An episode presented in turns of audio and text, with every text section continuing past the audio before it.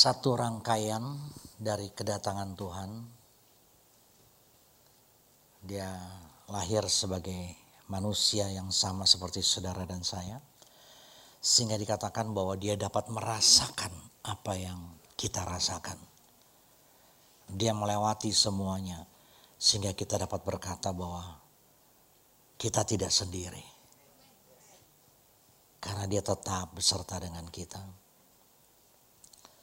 Dia hidup, dia mati bagi kita. Dia bangkit juga bagi kita. Nah, setelah dia menyelesaikan semua tugas pelayanannya, setelah dia menyelesaikan penebusannya, di mana saudara dan saya ditebus, dikembalikan menjadi miliknya, maka dia naik ke surga. 40 hari setelah kema, setelah kebangkitannya, dia masih ada bersama-sama dengan para murid. Dia masih memberitakan kebenaran demi kebenaran. Dia berulang-ulang menyampaikan tentang kerajaan Allah. Karena dia rindu bahwa pemulihan tentang kerajaan Allah itu pun terjadi dalam setiap kita. Dan setelah itu dia naik ke surga. Apakah selesai semua sampai di sini? Tidak saudara. Firman berkata bahwa dia tidak pernah meninggalkan saudara dia tidak pernah menolak saudara dan saya. Oleh sebab itu dia memberikan janji untuk memberikan rohnya yang kudus ada beserta dengan dia. Keberadaan roh kudus inilah yang membuktikan bahwa dia tidak pernah meninggalkan saudara dan saya. Dan tiba saatnya dia akan datang untuk yang kedua kalinya. Setelah dia menyelesaikan semua tempat yang terbaik bagi saudara dan saya supaya kita kekal bersamanya. Nah kekasih Tuhan, hari ini kita celebrate tentang kenaikan daripada Tuhan Yesus. Hari Minggu nanti, nah, di tanggal 23 itu juga kita celebrate bahwa pencurahan roh kudus yang sebenarnya eh, itu sudah terjadi sudah terjadi kira-kira 2000 tahun yang lalu. Tapi kalau kita merayakannya, mengingatkan kita kembali bahwa dia tidak pernah meninggalkan saudara dan saya. Nah kekasih Tuhan di dalam kisah para rasul 1 ayat 1 sampai 9 demikian firman Allah. Hai Theophilus, dalam bukuku yang pertama aku menulis tentang segala sesuatu yang dikerjakan dan diajarkan Yesus. Kenapa dikatakan bahwa dalam bukuku yang pertama? Karena ini penulisnya sama yaitu Rasul Lukas. Ya. Sampai pada hari ia terangkat Sebelum itu ia telah memberi perintahnya oleh roh kudus kepada rasul-rasul yang dipilihnya. Kepada mereka ia menunjukkan dirinya setelah penderitaannya selesai. Dan dengan banyak tanda ia membuktikan bahwa ia hidup. Sebab selama 40 hari ia berulang-ulang menampakkan diri dan berbicara kepada mereka tentang kerajaan Allah. Pada suatu hari Ketika ia makan bersama-sama dengan mereka, ia melarang mereka meninggalkan Yerusalem dan menyuruh mereka tinggal di situ menantikan janji Bapa. Yang demikian katanya, telah kamu dengar daripadaku. Sebab Yohanes membaptis dengan air, tetapi tidak lama lagi kamu akan dibaptis dengan Roh Kudus. Maka bertanyalah mereka yang berkumpul di situ, Tuhan, Maukah engkau pada masa ini memulihkan kerajaan bagi Israel? Jawabnya, engkau tidak perlu mengetahui masa dan waktu yang ditetapkan Bapa sendiri menurut kuasanya. Ayat yang ke-8, tetapi kamu akan menerima kuasa kalau roh kudus turun ke atas kamu dan kamu akan menjadi saksiku di Yerusalem dan di seluruh Yudea dan Samaria dan sampai ke ujung bumi. Sesudah ia mengatakan demikian, terangkatlah ia disaksikan oleh mereka dalam awan menutupnya dari pandangan mereka. Dikatakan terangkatlah ia disaksikan oleh mereka. Ada satu catatan bahwa yang menyaksikan dari kenaikan Tuhan Yesus bukan hanya 12 rasul, bukan hanya rasul yang dia bina secara langsung, kemudian ada beberapa murid, 70 murid, tetapi juga ada banyak orang lain yang ada di sana. Nah pada waktu itu dikatakan bahwa Yudas sudah mati ya bunuh diri jadi masih 11 rasul kemudian nantinya mereka akan buang undi untuk menggantikan Yudas. Nah kekasih Tuhan Firman mencatat bahwa ada begitu banyak saksi mata. Ada begitu banyak saksi mata. Kalau saya bercerita kepada saudara dan saya berkata begini, saya menyaksikan sendiri, maka tentu saja saudara mempercayainya. Nah dunia mencoba untuk mengubah kesaksian demi kesaksian. Hanya supaya mereka tidak percaya kepada Yesus. Tapi firman Tuhan berkata di dalam kitab Yohanes pun bahwa tanda-tanda itu ditulis supaya kita percaya kepada Mesias anak Allah yang hidup. Kemudian oleh iman kita kita memperoleh hidup karena namanya. So Kekasih Tuhan, kesaksian ini membuktikan bahwa semua yang tertulis itu benar dan sah adanya. Jadi bukan hanya benar tetapi juga sah karena firman mencatat bahwa kesaksian dua orang lebih kesaksian itu menjadi sah. Nah kenaikan daripada Tuhan Yesus ini disaksikan oleh banyak orang. Dia naik ke awan-awan dikatakan demikian. Dan kemudian awan itu menutupnya dari pandangan mereka. Dan pada waktu para murid itu masih terpesona dengan satu peristiwa sejarah yang begitu luar biasa. Bagaimana seseorang itu bisa terangkat begitu saja tanpa alat yang ada pada waktu. Bagaimana itu bisa terjadi? Sangat sulit untuk dicerna, tetapi it's happen, tetapi itu terjadi saudara. Kemudian dikatakan di awan-awan karena satu saat dia akan datang untuk kedua kalinya menjemput saudara dan saya di awan-awan. Karena firman Tuhan mencatat bahwa dia akan datang kembali pada waktu murid-murid terpesona. Kemudian malaikat mengingatkan, bahwa dia akan datang kembali dengan cara yang sama. So, kekasih Tuhan, peristiwa ini adalah satu bagian daripada catatan sejarah kehidupan manusia. Nah, saya ingin mengajak saudara untuk mari kita bahas ada satu masa. Ada satu masa sejak Tuhan bilang begini, kamu nanti akan menerima janji. Dari satu masa itu sampai pada penggenapannya. Ini yang saya ingin ajak untuk kita lihat lebih dalam. Satu saat Tuhan Yesus berkumpul dengan para murid, kemudian mereka makan bersama. Dikatakan pada suatu hari ketika ia makan bersama-sama dengan mereka. Jadi saudara kalau makan-makan itu Alkitabiah. Betul? Ya, jadi kalau makan-makan Alkitabiah. Kalau saudara mau makan-makan nanti boleh, nanti silakan saudara ya dan beberapa uh, minggu terakhir satu dua minggu terakhir makan-makan kita agak sedikit berbeda. Ada roti tawar dipanggang pakai garlic bread gitu saudara ya. Jadi saudara bisa mencobanya nanti gitu saudara kalau masih kebagian. So makan-makan adalah alkitabiah.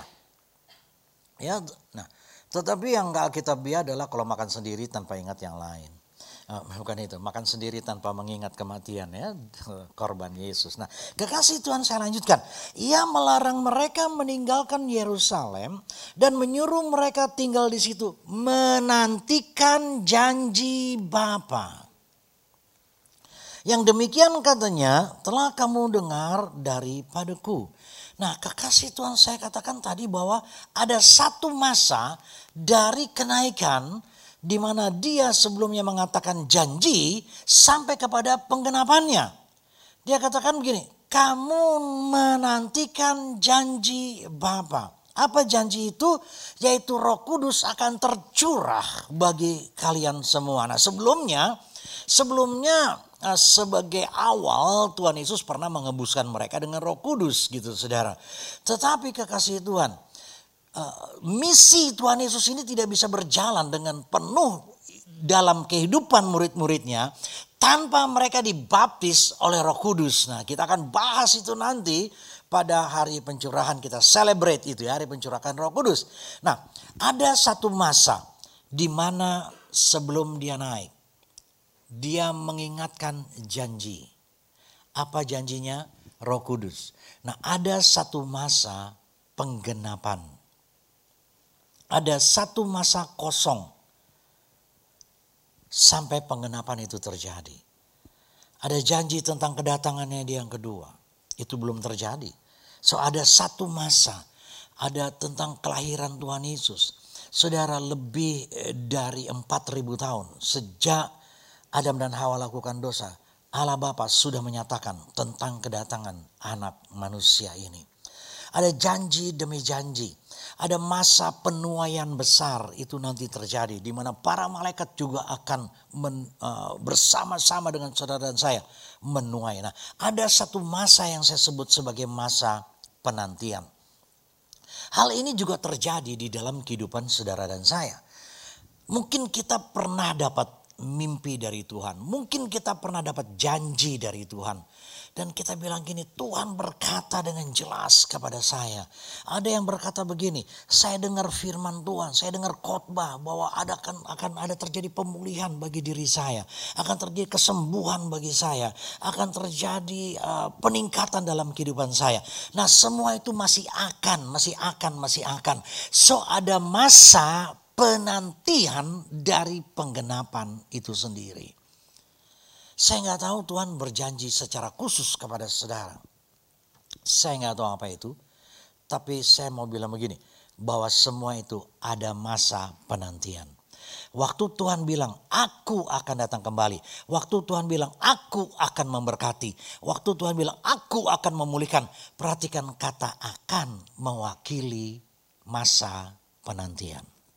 Nah, sering kali dalam masa penantian ini, Sering kali ada banyak orang Kristen yang mungkin mereka berkata aku lelah di masa penantian. Di masa penantian ini itu semuanya kelihatannya semua kok seperti ini tidak ada perubahan. Di masa penantian ini ada satu masa yang kosong sepertinya. Dan pada saat itu banyak hal yang terjadi. Mari kita lihat beberapa tokoh di Alkitab. Mulai dari Abraham menerima janji. Allah sendiri bicara kepada dia bahwa keturunanmu akan seperti bintang di langit. Ya, melalui kelahiran dari satu anak lewat istrimu Sarai. Nah, apakah anak itu langsung muncul? Tidak, saudara. Ada satu masa penantian, dan di masa penantian ini Alkitab mencatat bahwa Abraham, waktu itu masih bernama Abraham dan Sarai, mereka tidak punya kekuatan untuk menanti. Dan apa akibatnya? Muncullah Ismail.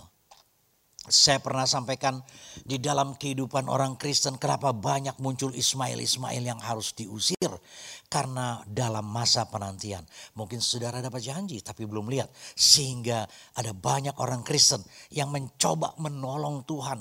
Mencoba mereka, mereka yasa.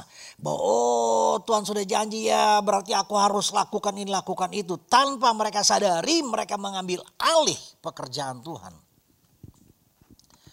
Tapi pada akhirnya apakah Abraham pun melihat janji itu? Tidak juga saudara. Karena pada waktu dikatakan bahwa keturunanmu seperti bintang di langit. Dia belum melihatnya. Sampai dia mati.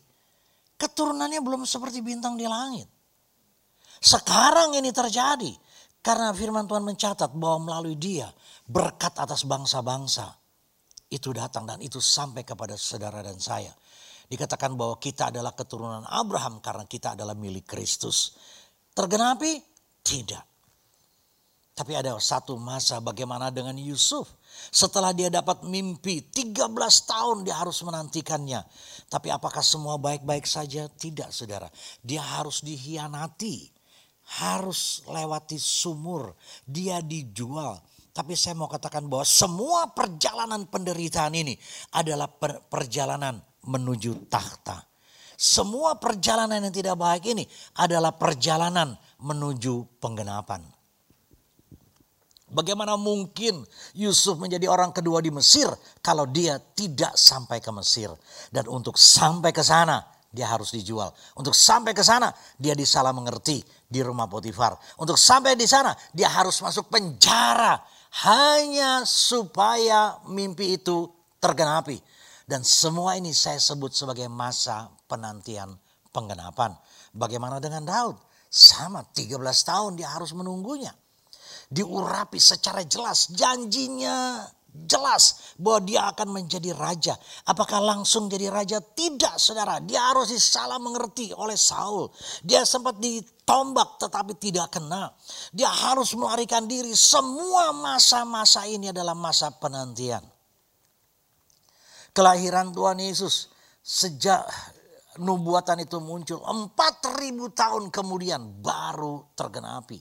Bangsa Israel menantikan mana Mesias itu yang akan menyelamatkan kami. Mana Mesias itu dan apa yang mereka lakukan karena mereka tidak sanggup menantikan janji Tuhan.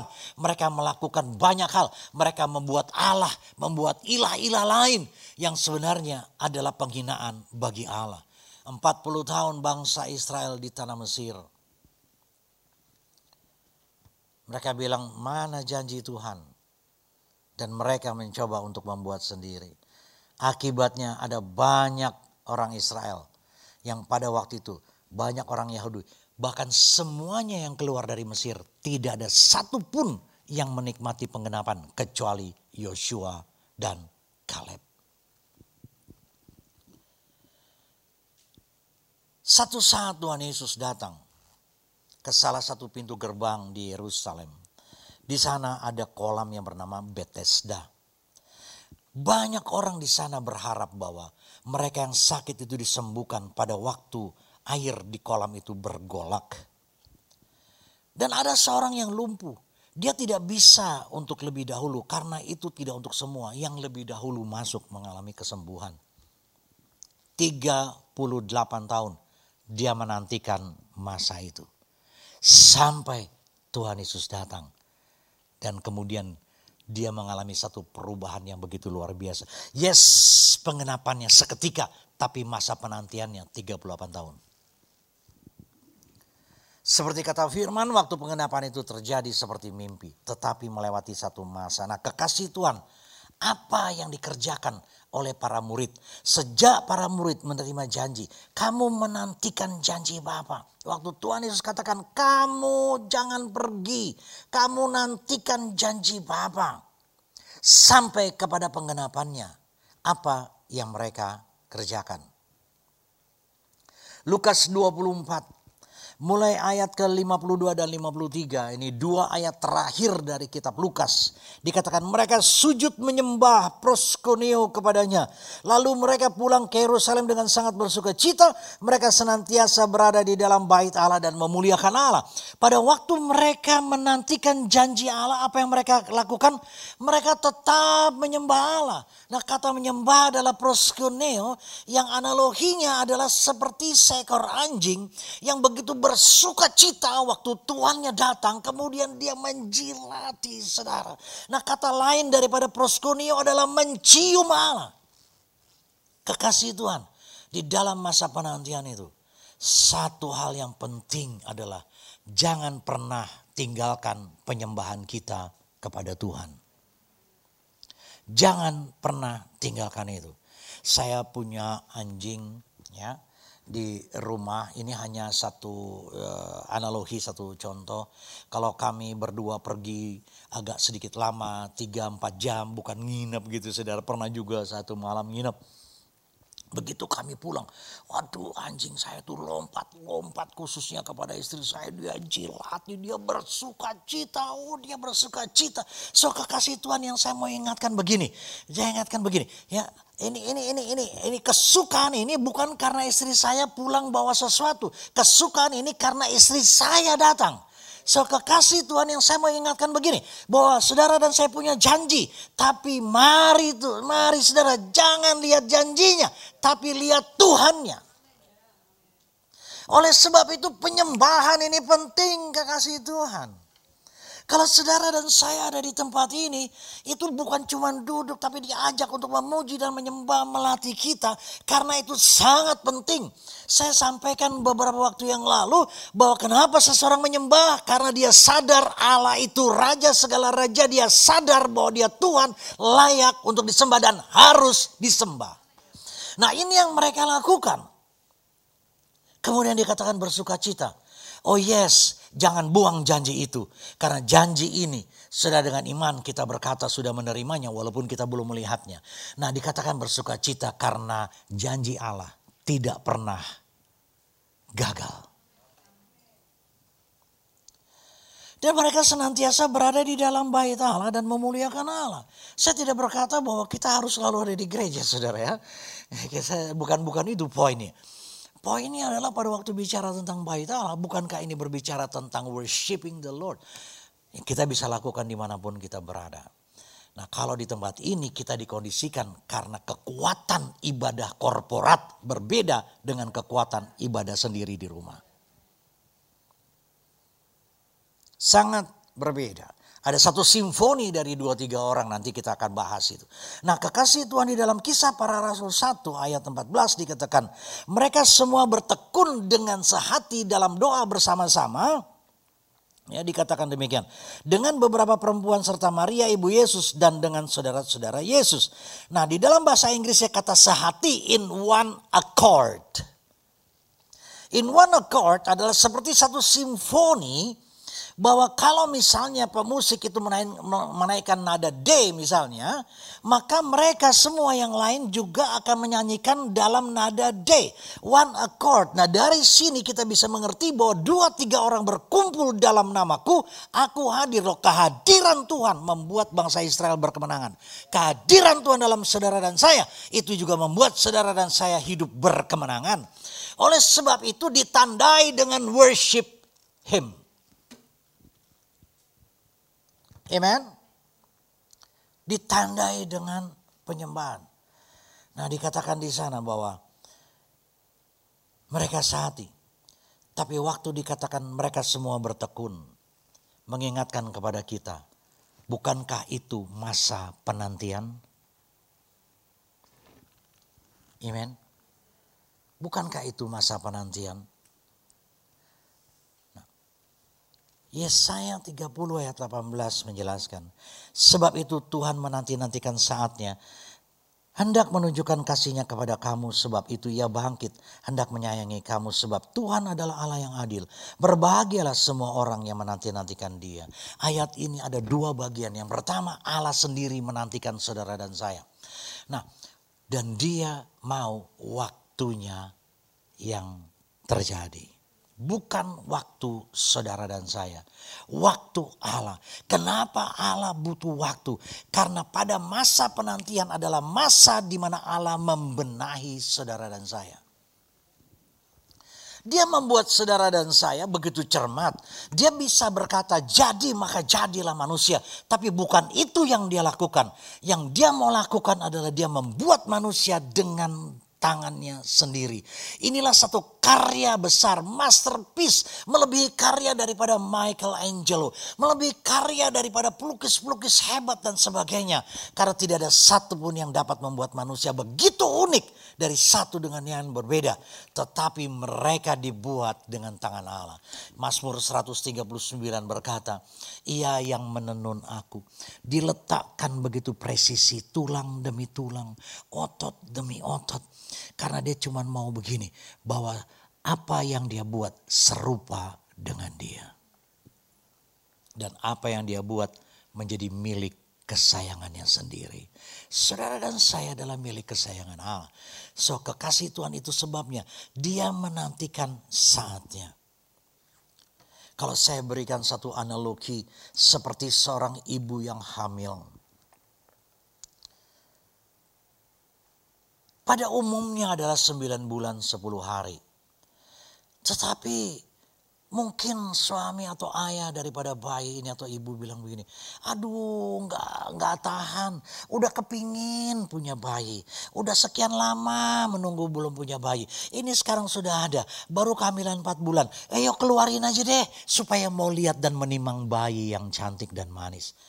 Saudara yang jadi adalah kekacauan demi kekacauan. So tunggu waktu Tuhan. Nah tunggu waktu Tuhan saya katakan ini butuh kemampuan khusus untuk itu.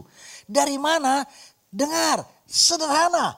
Nantikan Tuhan, jangan nantikan nanti dengan pujian, penyembahan, memuliakan Tuhan.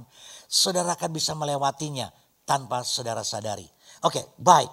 Mungkin seseorang sedang menu, mau naik kereta api. Dia mau naik kereta api, dia sampai di stasiun, Kemudian uh, kereta apinya belum datang. Oh masih 15 menit lagi datang. Apa yang dia kerjakan? Mungkin dia gelisah.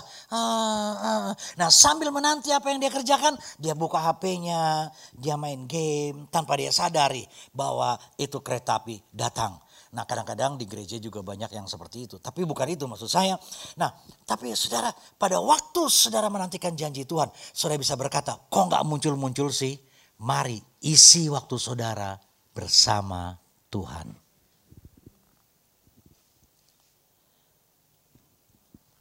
Waktu saya katakan tunggu Tuhannya bukan janjinya. Bukan berarti kita melupakan janjinya. Bukan itu saudara. Kita tetap ingat janjinya karena itu akan menguatkan saudara dan saya. Tadi saya berikan satu kesaksian beberapa dari kita pernah mendengarnya. Kira-kira 23 tahun yang lalu sebelum kami berdua masuk ke kota Banyuwangi. Istri saya bermimpi bahwa dia bermimpi uh, ada seekor ular yang begitu besar dengan kepala manusia. Kemudian ular yang begitu besar ini dengan berkepala manusia menggigit tumit daripada kaki uh, istri saya. Tapi uh, apakah dia menyerah? Enggak. Dia ambil ular itu, dia potong-potong, dia masak. Saudara, dia masak begitu rupa. Kemudian dipersembahkan kepada tua-tua pada waktu itu. Dan tua-tua itulah yang memang mengutus kami sampai ke Banyuwangi. Nah pada waktu dapat mimpi belum ngerti. Belum ngerti. Tetapi pada waktu kami masuk ke kota Banyuwangi karena untuk melihat situasinya terlebih dahulu. Begitu masuk di perbatasan daerah Sukowidi di sana. Tiba-tiba istri saya bilang begini, ini dia ular yang saya lihat di mimpi saya. Yang menggigit kaki saya, kemudian saya potong-potong, saya masak. Ini dia ularnya. Dan saudara tahu itu adalah lambang daripada Banyuwangi. Bukankah lambang dari Banyuwangi adalah ular berkepala manusia? Tapi sejak pemerintahan beberapa waktu yang lalu lambang itu dibuang karena dianggap tidak cocok dan sebagainya dan sebagainya. Tetapi Tuhan sudah bicara. Sehingga pada waktu kami masuk ke kota Banyuwangi tanpa pengetahuan apa-apa. Kami cuma pergi seperti Abraham pada waktu gini. Keluar kamu dari Ur di Kasdim. Melangkah saja ke mana nggak tahu tapi mencoba untuk melangkah. Tapi Tuhan tidak pernah meninggalkan Abraham. Sama dengan Tuhan tidak pernah meninggalkan kami berdua. Nah satu tahun dalam keadaan ketidaktahuan. Dalam keadaan aduh sepertinya sendiri kami belum kenal kota ini. Kami belum kenal banyak orang. Dan kemudian masih kami harus bangun semuanya. Hmm, ada lagi tekanan-tekanan dari beberapa gereja di, di, di kabupaten ini, di kota ini dan sampai kami uh, sampai tiba pada satu titik nadir saya katakan bahwa seperti dalam keadaan terpuruk kita bilang bro kita pulang aja. Kita nggak usah di Banyuwangi. Karena tinggal telepon pasti kita di oke okay, baik pulang kamu. Nah, istri saya juga seperti itu. Itu hanya dalam bilangan yang waktu dekat. Tapi kemudian saya mengingatkan mimpinya. Bukankah pernah bermimpi bahwa Banyuwangi kamu potong-potong. Eh lambangnya itu kan. Kamu potong-potong, kamu olah, kamu masak. Kemudian kamu persembahkan kepada para tua-tua. Saya ingatkan gitu. Saya bilang mari, mari. Mimpi itu pasti terjadi. Dan itu yang menguatkan kami sampai detik ini. Apa pun yang kami lewati, kami tahu satu hal. Bahwa Tuhan tidak pernah bohong. Sampai detik ini pemeliharaan Tuhan begitu baik di dalam kehidupan kami. Oh yes kami harus melalui proses demi proses. Supaya satu saat kita semua kembali seperti yang Tuhan mau. Ini yang saya katakan bahwa kita perlu ditata ulang. Jadi pada waktu dikatakan Allah sedang menantikan saatnya. Karena Allah sedang menata ulang kita. Pelan demi pelan, satu hari demi satu hari kita ditata ulang. Kemudian mungkin kita disakiti oleh seseorang, mungkin kita disalah mengerti. Tuhan sedang menata ulang hati kita. Supaya pada waktu itu saudara kita kedapatan hati kita hanya kepada Tuhan. Maka worshiping Lord bisa tergenapi pada waktu hati kita ini dibenahi. Tidak ada lagi kepahitan, tidak ada lagi sakit hati. Kita sedang ditata ulang. Keluarga kita mungkin kita belum lihat perubahan demi perubahan. Keluarga kita sedang ditata ulang. Dan Tuhan menikmati prosesnya. Mungkin di dalam dunia kerja, di dalam dunia usaha. Tuhan mau supaya kita tidak berkata semua karena aku. Tuhan mau supaya kita berkata, It's not by might nor by power, but by spirit said the Lord of hosts. Bukan kuat, bukan gagah, tapi oleh rohku kata Tuhan. Inilah yang membuat Tuhan menantikan waktunya sampai kita dikatakan siap. Kenapa Yusuf mesti 13 tahun? Kalau langsung ini anak apa namanya ya imut-imut gitu saudara ya pakai pakai jubah berwarna-warni datang kemudian dia datang ke Mesir gitu saudara hei aku punya mimpi itu diusir dia sama Firaun. Daud sama. Baru ngurusin dua tiga ekor kambing domba datang ke Saul. Ditombak lagi iya. Ditunggu waktunya. Ditata ulang saudara Cara berpikir kita ditata ulang. Supaya pada waktu kita diberikan sesuatu yang lebih besar. Karena di dalam message Bible dikatakan Tuhan belum selesai dengan saudara dan saya. Kenapa? Karena dia ingin menata ulang misi Tuhan Yesus selesai. Tapi roh kudus masih bekerja dalam saudara dan saya. Dikatakan but God's not finished. He's waiting around to be gracious to you. Dikatakan bahwa dia belum selesai. Mari dalam masa penantian. Itu adalah masa yang paling indah karena Tuhan sedang membenahi kita. Masa kesendirian yang mungkin beberapa orang berkata, oh aku sendiri. Tapi itu masa yang indah pada waktu kita hanya dengan Tuhan. Karena firman Tuhan berkata, pada waktu Abraham sendiri, Allah mem memanggil dia dan Allah memberkati dia. Kekasih Tuhan, kata memberkati adalah kata di mana Allah sedang menata ulang. Oh Allah nggak mau sulapan saudara. Dia menata ulang saudara dan saya. Oleh sebab itu kenapa di dalam masa penantian kita menyembah. Supaya dikatakan begini, kita mendapat kekuatan yang baru. Ini bagian pertama dari Yesaya 30 ayat 18. Jangan terburu-buru saudara. Jangan tergesa-gesa. Tuhan menikmati perjalanan hidup saudara dan saya bersama dengan dia. Itu sebabnya bagian kedua dikatakan, berbahagialah semua orang yang menanti-nantikan dia. Saudara nggak dikatakan berbahagialah orang. Oh yes, memang di dalam Mazmur 126 dikatakan bahwa pada waktu kita menuai kita seperti mimpi kita bersuka cita. Tapi firman Tuhan berkata begini, masa penantian adalah masa di mana saudara dan saya akan menerima kebahagiaan. Kenapa? Karena di masa-masa itu kita hanya memandang Tuhan.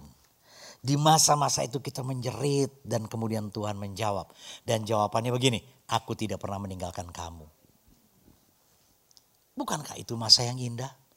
Mungkin kita ditinggalkan oleh teman, mungkin kita ditinggalkan oleh partner, mungkin kita ditinggalkan. Tapi masa penantian itu adalah masa di mana Tuhan bilang, yuk sekarang bersama dengan aku. Dan pada waktu dia membenahi, dia ingin kita ikut kerjasama membenahi hidup kita. Di dalam dunia kerja, mari kerjakan bersama Tuhan. Di dalam membenahi keluarga, mari kerjakan bersama Tuhan. Di dalam uh, kita melayani, mari melayani bersama Tuhan. So kita tidak melakukan yang untuk Tuhan karena Tuhan bisa melakukan sendiri lebih bagus. Tapi dia mau kita bersama-sama dengan Tuhan. Inilah masa-masa penantian. Masa-masa di mana pada waktu orang bertanya kita menjawab belum. Oke? Itulah masa-masanya. Dan masa-masa ini adalah masa-masa yang indah kan. Kalau seorang anak gadis bilang, aku diputus pacar, aduh gimana. Ya tunggulah yang terbaik gitu saudara. Kapan tunggu yang terbaik? Bikin sibuk Tuhan. Maka Tuhan bilang daripada kamu terlalu bikin sibuk, aku gantikan ini pacar yang baru. Gitu. Itu Richard 3 ayat 7. Nah kemudian saya, saya cuma bilang begini. Karena memang di masa-masa pandemi ini bagaimana mau bangun hubungan. Oh cuma TikTok-TikTok nggak bisa saudara. Mau ketemu pakai masker. Mau lihat wajahnya juga nggak bisa. Mau ketawa, mau ketawa senyum buka sedikit tutup lagi. Saudara inilah masa-masa penantian yang paling indah. Di mana masa-masa penantian dikatakan berbahagia karena masa-masa itu Tuhan cuma mau kita mengandalkan Dia. Tuhan cuma mau itu. Tuhan cuma mau gini. Oh, dia cuma mengandalkan aku. Makanya kadang-kadang mainan-mainan itu dibuang gitu, saudara. Apa mainan Ismail Ismail? Kesalahan-kesalahan. Kita asik dengan sesuatu, kita asik dengan sesuatu, tapi kita tidak fokus kepada Tuhan. Kadang-kadang Tuhan izinkan itu untuk hilang supaya kita hanya fokus kepada Tuhan. Itulah masa-masa penantian. Itulah masa-masa penantian. So bersukacitalah kalau penggenapannya belum terjadi. Karena cepat atau lambat juga pasti terjadi kok. Ya. Kekasih Tuhan. Tuhan itu kalau kasih selalu bertingkat. Selalu ada peningkatan. Jadi kalau sekarang pengenapannya oh segini, besok-besok pasti lebih besar. Makanya Tuhan tidak akan pernah berhenti di dalam menata ulang saudara dan saya. Amen. Sekedar tips saja, jangan tata ulang istri kita. Jangan tata ulang suami kita. Cuman Tuhan yang bisa merubah saudara dan saya. So pada waktu kita ditata ulang, biar Tuhan juga bekerja pada pasangan kita. Haleluya. Ya. Nah, di dalam masa penantian ini Saudara. Di dalam kitab Yesaya mengingatkan, tetapi orang-orang. Siapa? Orang-orang. Orang-orang. Bukan satu orang. Orang-orang. Ada begitu banyak. Dikatakan orang-orang yang menanti-nantikan Tuhan mendapat kekuatan yang baru. Oleh sebab itu gini Tuhan berikan satu pengurapan kekuatan di masa penantian.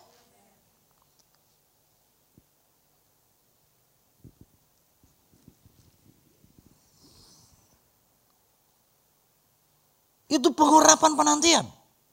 Saya pernah memberkati satu pernikahan yang istrinya berusia 43 tahun, suaminya berusia 45 tahun. Kok ya bisa ketemu gitu, Gak ngerti saya. Saya cuma bilang begini, ini pengurapan penantian. Mantap. Dalam masa penantian ada pengurapan khusus yang turun bagi saudara dan saya. Karena dikatakan kekuatan yang baru. Fresh. Jadi saya percaya begini, sebelum saudara dan saya menikmati penggenapan, bukan berarti kita loyo. Kita tetap bisa bersuka cita, kita bisa memuji Tuhan. Mari saudara, bless the Lord. Berkati Allah kita. Maka saudara akan bisa menikmati hadiratnya. Mereka seumpama Raja Wali yang naik terbang dengan kekuatan sayapnya. Kalau dikatakan dengan kekuatan sayapnya bukan berarti Raja Wali ini mengepakkan sayapnya. Tidak saudara. Waktu dikatakan dengan kekuatan sayapnya karena dibutuhkan kekuatan khusus untuk menghadapi badai. Jadi ada kekuatan khusus kalau badai datang ini sayapnya nggak kuat Raja Wali ini akan jatuh. Tapi begitu kuat sayapnya dia cuma mengembangkannya dan badai yang mengangkatnya tinggi. Saya cuma mau sampaikan kepada saudara di masa penantian saudara akan tetap lebih kuat dan saudara akan lebih tinggi dan saudara yang menerjang badai itu. Jangan pernah takut dengan badai karena itu membawa kita terbang lebih tinggi. Mereka berlari dan tidak menjadi lesu dan mereka berjalan dan tidak menjadi lelah. So kenapa seseorang burn out? Kenapa seseorang mutung? Kenapa seseorang mundur dari pelayanan? Kenapa seseorang itu menjadi dingin? Karena dia tidak pernah duduk menanti-nantikan Tuhan. Dia nggak pernah duduk berdua di bawah naungan sayapnya. Dia nggak pernah duduk eh, bersama dengan Tuhan di dalam tempat kudusnya. Karena kalau itu yang dilakukan, kekuatan Allah pasti turun pasti turun. Kalau saya berani berkata ini, karena saya saksi mata. Masih ada banyak rekan-rekan kita yang juga menjadi saksi mata. Loh, kata menantikan bahasa aslinya kawa yang adalah sabar. Tapi arti lain adalah seperti rusa yang merindukan air. Di satu padang yang kering, rusa merindukan air. So kita Mazmur memberikan satu analogi yang sama seperti saudara dan saya. Oleh sebab itu pegang janji supaya kita bersuka tapi pegang Tuhan di masa penantian. sabar menanti bersama Tuhan. Tekun menanti bersama Tuhan. Letakkan pengharapan kita hanya bersama Tuhan. Karena kata-katanya kan menanti-nantikan Tuhan, bukan menanti-nantikan penggenapan. Melekat bersama dengan Tuhan. Karena itulah kekuatan saudara dan saya. Di masa pandemi, di masa penantian, di masa ini. Kita tetap punya Tuhan yang tidak pernah meninggalkan saudara dan saya. Kekasih Tuhan, masa penantian adalah masa di mana Tuhan memberikan kekuatan memperbaiki sayap kita, memperbaiki semua bulu-bulu kita, menyegarkan seperti raja wali yang yang yang uh, apa namanya kukunya mesti dicabut semua supaya apa? Supaya dia kembali muda. Oleh sebab itu, oleh sebab itu saya cuma mau katakan begini, energi saudara dan saya tidak pernah habis karena usia yang bertambah. Tidak pernah habis. Itu sebabnya kami sampai saat ini. Kalau kami memuji Tuhan. Waduh rasanya lupa usia gitu saudara. Kenapa? Karena itu yang ada pada orang yang menanti-nantikan Tuhan. Tuhan gak pernah bohong.